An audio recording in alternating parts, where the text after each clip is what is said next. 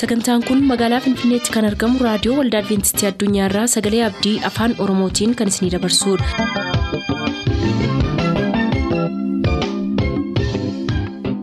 harka fuuni akkam jirtu kabajamtoota dhaggeeffattoota sagalee abdii nagaan waaqayyo abbaa bakka jirtan hundumaatti hunduma keessaniif haa ta'u jechaa sagantaa harraaf qabannee isiniif dhiyaanne mata duree ifa dhugaa jedhudhaa qabannee dhiyaanne irraatii ittiin eebbifama.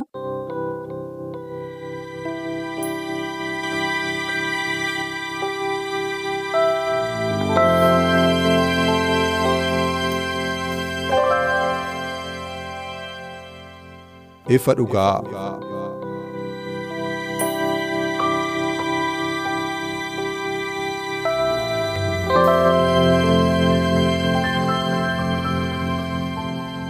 Ifa dhugaa.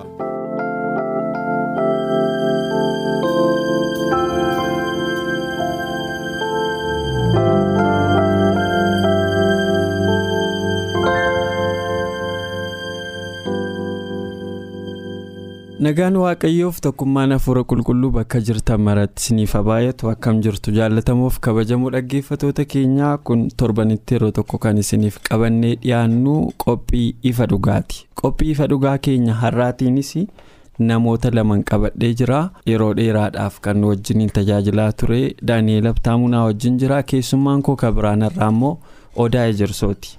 Jarreen kanaa wajjin qophii keenya har'aa isiniif qoodaa turra. Mata dureen keenya har'aa nuusa kana keessaa nuusa afuraffaa kana keessaa kutaa lammaffaa ergamni waaqayyoo ergama kooti mata duree jedhu jalatti mata duree xiqqaa ergama waaqayyo nuuf qabu ka jedhu kutaa lammaffaa isiniif qoodaa turra gara qophii keenya kanaatti kallattiin utuu isin hin dabarsin daani'eel kadhannaa gabaabaa nuuf godhee nu eegalchiisa bakkuma jirtanitti nu waliin tura. uumaa uumamaa jaarsa barootaa. Gaarummaa kee hundumaaf si haa galatu sagalee keessa dhugaaf saamanamaa jireenya keenyaaf namummaa keenya jijjiiru. Waa'ee ergama keef maaliif addunyaa kanarra akka jiraannu dubbachuuf jetta? Nuyi warra danaa dubbatuuf ogummaa ittiin dubbannuuf sagalee keef eenyummaa kee ergama kee kan ittiin dubbannu ogummaa samaayiidhaan nuuf kenni saba keef immoo yaa waaqayyoo gurra hubatu kan ittiin jijjiiramuuf waa'ee ergama isaanii kan isaan ittiin beekaniif hunduma keenya iyyuu akkaataa ergama keef. Addunyaa kanarraa maaliif akka nu keessa nu hubachiisi nu waliin ta'e hunduma keenya immoo samaa'itti nu yaadadhu maqaa yesuusin. galatoomaa lamaan keessaniinuu baga nagaan dhuftan jechuun jaalladhaa odaatu keessummaadha malee har'a daani'eel ergaa nu wajjiniin bubbuleera erga qophii kanarratti hirmaachuu eegalee kanaaf dhaggeeffattoota keenyaaf haaraa miti. nuusa kanaaf qorannoon ifa dhugaa nuti qabnu waa'ee ergamaa irratti xiyyeeffata. Mee utuu gara qophii keenya har'aatti hin darbin mata dureen keenya inni xiqqaan irra irratti mari'annu ergama waaqayyo nuuf qabu kutaa tokkoffaa isaa yeroo darbe ilaallee turre har'i kutaa lammaffaa isaati ergamuma jechuun maa inni yaada jedhu akka dhaggeeffatoonni keenya qabaatanii fi namni tokko ergama wayii qaba yoo jedhame yaadi kun waa'ee akkamittiin hubatamuu qaba ka jedhu irratti yaada keessan seensaaf akka ta'utti akka naa qooddan carraasinii kenna. Irraa akkan jalqabuun beeku hangafaaf kennu daani'eel sumaaf hin kennaa jalqabame ergamuma kana dhaggeeffatoonni keenya yaaduma isaa akka qabaataniifu maa inni ergame. dhimma barumsi keenya yookaas mata dureen keenya dhimma ergamaa irratti kan inni xiyyeeffatu ergama jechuun qaama dugda duubaa ergama sitti kennetu jira. Qaama sanaaf ergama sana raawwachuudha jechuudha gara kan biraa ergama uumaan keenya nutti kennetu jira. Gabaabaadhumatti gaafa deebisnee ilaallu karaa baay'ee hubachuu dandeenya. Akkuma biyya lafaatti yookaas addunyaarra jiraannu kana keessatti gama siyaasaatiin gaafa ilaaltu qaama gubbaatti ergamatti kenne qaami tokko raawwachuu fakkeenyaaf biyyuma keenya keessatti ganda aanaa godina caffee. Federaalaa waan jedhamutu jira. Ergamni kun egaa federaalaa qabee amma gandaatti kan deemu ergama baatee kan deemu tartiibaan waanta raawwatudha jechuudha. Gama dhimma kiristaanummaatti yookaas karaa wangeelaatti gaafa deebinu qaama olaanaarraa fakkeenyaaf mul'ata Yohaannisiin boqonnaa tokko gaafa ilaaltu mul'ati kun waaqayyo abbaa biraa eenyutti kenname yesus kiristoositti kenname yesus kiristoos irraa yohaannisitti kenname yohaannis irraa immoo eenyutti kenname.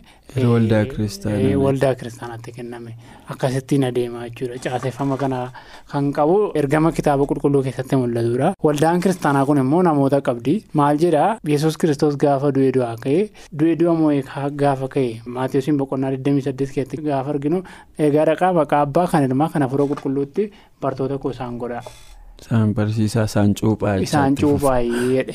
Kuni ergama adda ta'ee fi bartootatti kenname yookaas waldaa kiristaanaatti kennamedha. Maal jedha namichi tokko kiristaanummaan yoo bartuu hin hordofne yookaas bartuu hin taane maal hin ta'udha kiristoosiin kan giddu galeessa hin godhanne yookaas kiristoosiin maleessa kan ta'edha. Jedha namni wayii gaafa dubbatu jechuudha jecha gaafa kennu. Kanaaf kiristaanummaa yeroo hundumaa bartummaa hordofuu qaba. Bartummaan immoo yeroo mara yoo eenyuun hordofuu qaba? Yesuusiin hordofuu qaba. Yoo yesuusiin hin hordofne bartuu ta'uu hin danda'u yoo bartuu hin taane immoo ergama sanaaf ga'aa nama hin taanedha jechuudha kanaafiyyuu ergama jechuun uumaa keetiif ergamuudha.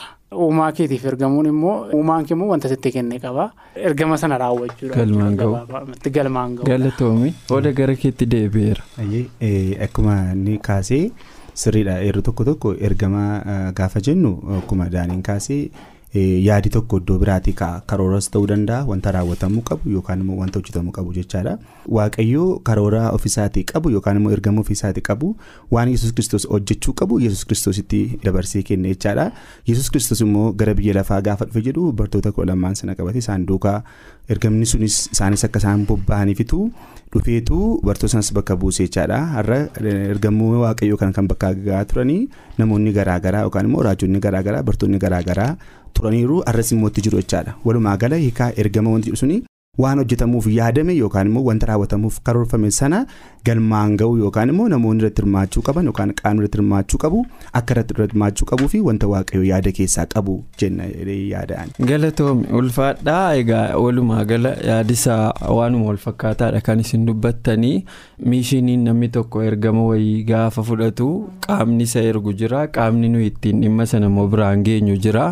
Yoo xinnaate qaama sadii of keessatti qaba hidhee namanaa isa ergeef isa ergamuuf isa ergami sun bira ga'uu qabu qaba hidhee namanaa kanaaf wanti isin dubbattan hundisaayyuu tokkumadha. Egaa gama qorannoo keenya har'aatti yoo deebine ergama waaqayyo nuuf qabudha al tokko tokko maayinni anumaanu maaliif na barbaade waaqayyo? Ergama maalii naaf qaba. Al tokko tokko karaa keenyaan nama biraa ga'uu barbaade waaqayyo. Al tokko tokko immoo numa birayyuu ga'uu barbaade kanaaf ergaminni nuuf qabu maali? Fakkeenyaaf qorannoo keenya har'aa kana keessatti yeroo cuunfaasaa ilaallu eertuu kitaaba qulqulluun nuuf caqasu keessaa inni jalqabarra jiru. Yohannis boqonnaa 20 lakkoofsa 21-22 yaada of keessatti qabu akkuma kana maatiyoos boqonnaa 28 ka jalqaba obboleessi keenya caqasaa ture. Lakkoofsa 16 kaasee ergama giddugaleessa waan godhatan fakkaatu. Waan gooftaan keenya yeroo du'aa ka'e kana du'aa ka'uusaa sana dhaqanii namootatti akka himanii fi dhaqaatii namoota akkasii biraan ga'a waan ittiin jedhe fakkaata. kun gara jireenya keenyaatti yeroo deebisnu hiikoo maalii qabaa? Nummoo namoota ittiin dhimma kana biraan geenyu qabnaa? Ooka jedhu wajjin ol qabsiifne. Mee yaada isaa ilaalluuti. Eenyuuf haa kennu carraa dura? Mee oda sumarraa jalqabu. Maaliif jennaan? Wanti kun nunis nu yaallatan yookaan immoo nus gahee keenya hin qabna. Toora sana keessa jirra waan ta'eef kiristaana hanga taanetti toora waaqayyoo keessa jirra. Hanga toora waaqayyoo yookaan immoo hanga toora kiristaanummaa keessa jirutti hojii kiristaanummaa yookaan immoo abdii kiristaanummaa sana ergama sana bahuutu nurra jira. Hin qabnu kan jenneef utuu kiristaana utuu miti ta'ee yookaan immoo utuu nuuni toora kiristaanummaa keessa hin jiru taanaan sirrii ergami sun nu yaallatu. Hanga garuu toora kiristaanummaa keessa jirutti ergama sana nus galmaan gahuudhaafi yookaan immoo wanta nurraa eegamu ni jira. Sana immoo bahuu akka qabnutu sagalee waaqayyoo anaaf isiniif ragaa ba'a jechaadha. galatoomii oda gara keettiin deebi'a eertuu ammaa kana yohannis boqonnaa 20 lakkoofsa 21 kana irratti yaada keenya irratti balleessineen dubbanna maal jedhe dhaamsa inni itti hime keessa dhaqaa namoota ka biraatti hima waan kun nu laallataa daanii nu waan namatti himnu qabnaa. Kanaan ol qabsiistanii lamaan keessanuu akka xiyyeeffannoo keessan asirra gootan. Tolee galatooma yaadi kun yaada wal fakkaataadha. Jecha tokkotu jira. Pireezentiru waan jedhamu. Ergaa yeroo jechuun wanta yeroo wajjin wal ilaallatudha akkuma amma odaan kaasedha nu ilaallata. Maaliin nu ilaallata? Wanta yeroo keenya wajjin wanta wal ilaallatu wayii tokkotu jira. Fakkeenyaaf bara yesus lafarra ture. Yesus hin du'e akka inni du'e du'aan kaaneef immoo akka inni garaama lafaa jalatti hafuuf immoo seetan yaalii baay'ee godhe ilaaltanitti yoo ta'e karaa fariisotaa karaa hangafootaa loltoota baay'ee achitti ijaaree achitti hundeessee yesus akka inni du'aan kaaneef wanti karoorri ilmaan namaatiif karaa waaqayyoo waadaa seename sun akka hin raawwannee fi seexanni yaalii baay'ee godhee garuu hin taane.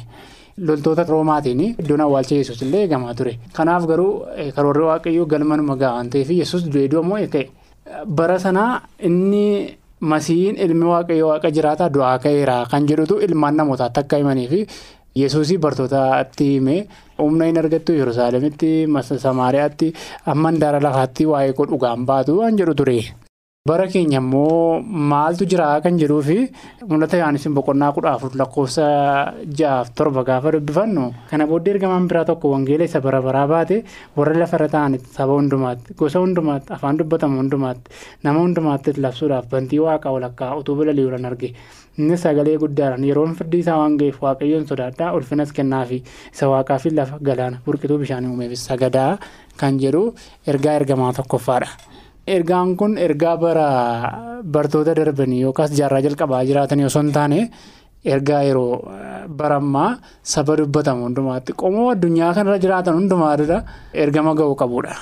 Ergamni kun immoo eenyuun ilaallata nuunnu ilaallata.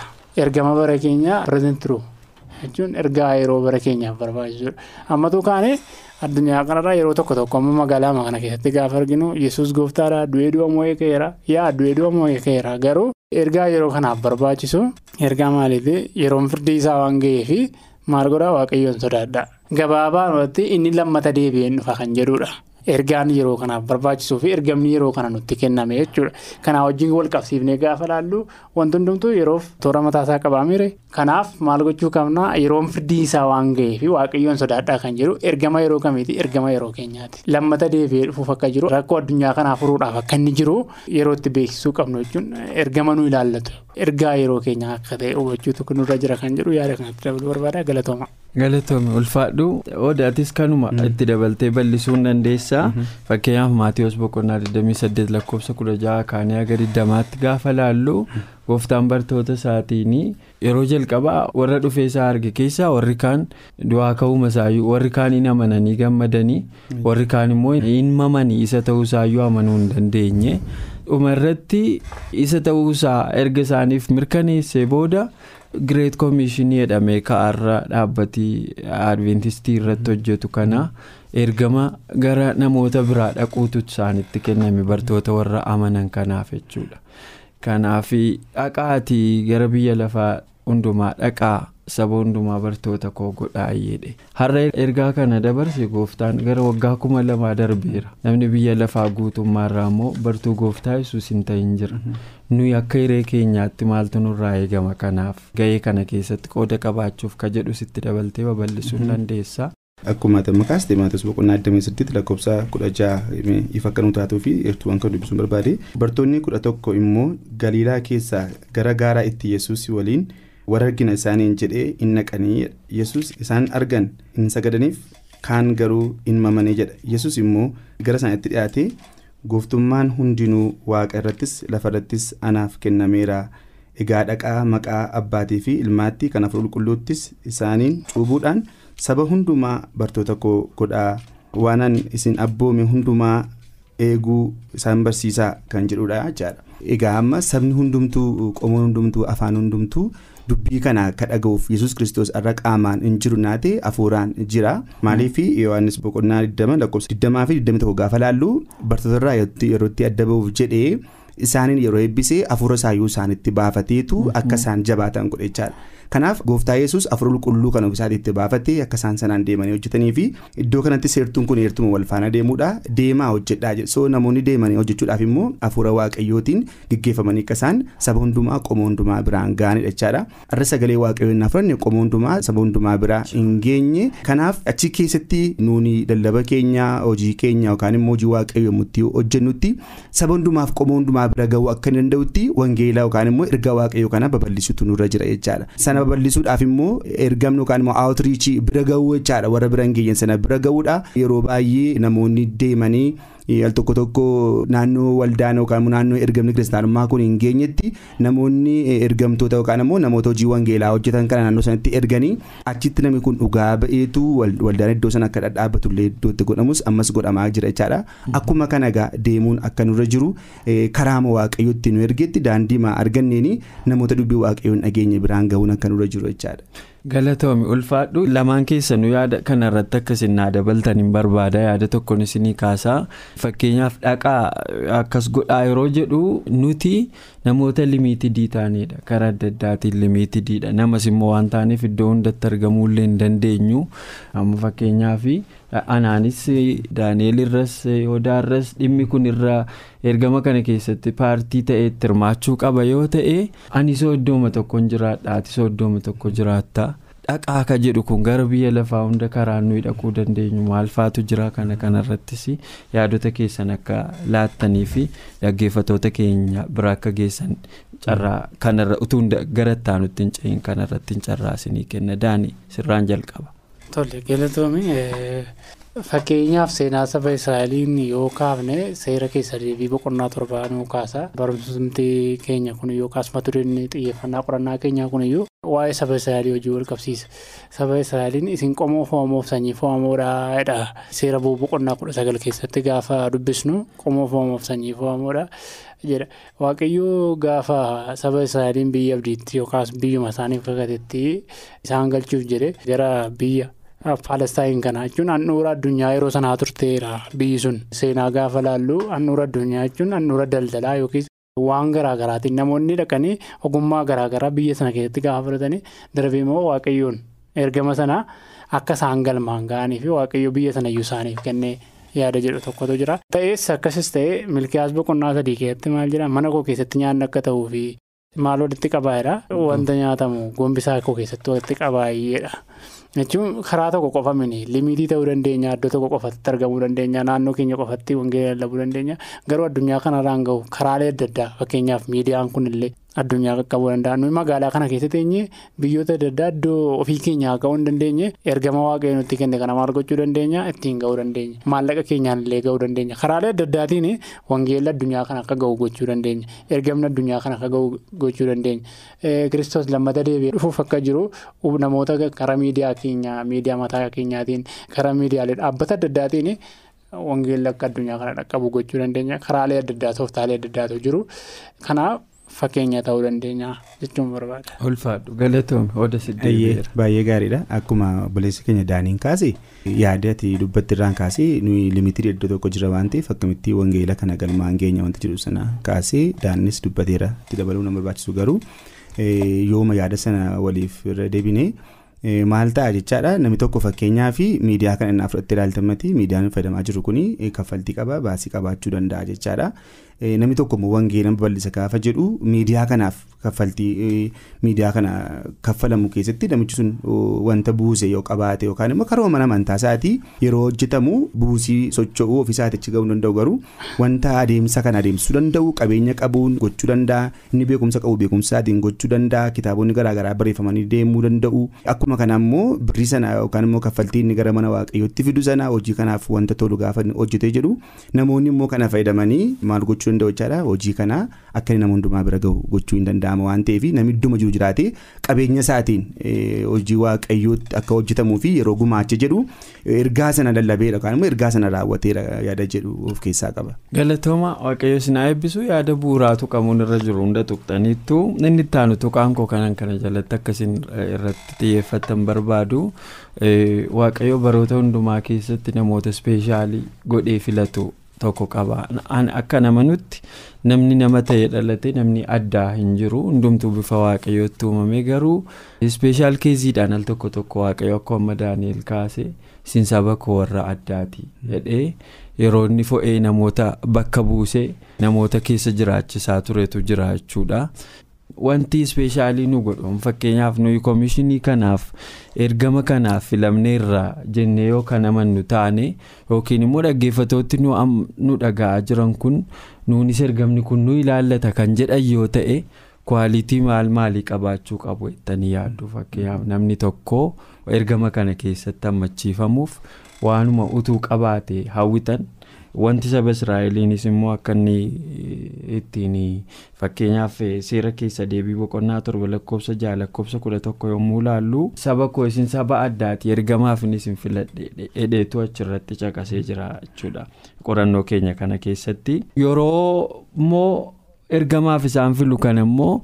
dhaqaa bakka edee waa macallisee immoo isaan hin gadhiisu. Waadaa isaanii seenummoo qaba eebbi nu eeggatu maali yoo kana keessatti kan hirmaannu taane kwaalitiin nurraa eegamu moo maali ka jedhu kanarratti yaada akka lallaattan hin barbaada. ergama kana keessatti sanyii namaa qofa osoo hin taane ergamootuma waaqayyoo birattillee ardiin kufne irrattillee ilaalchaaf taane irraa paawuloos ergama isaa keessatti gaafa kaasu chaanel jechuun afaan oromootti.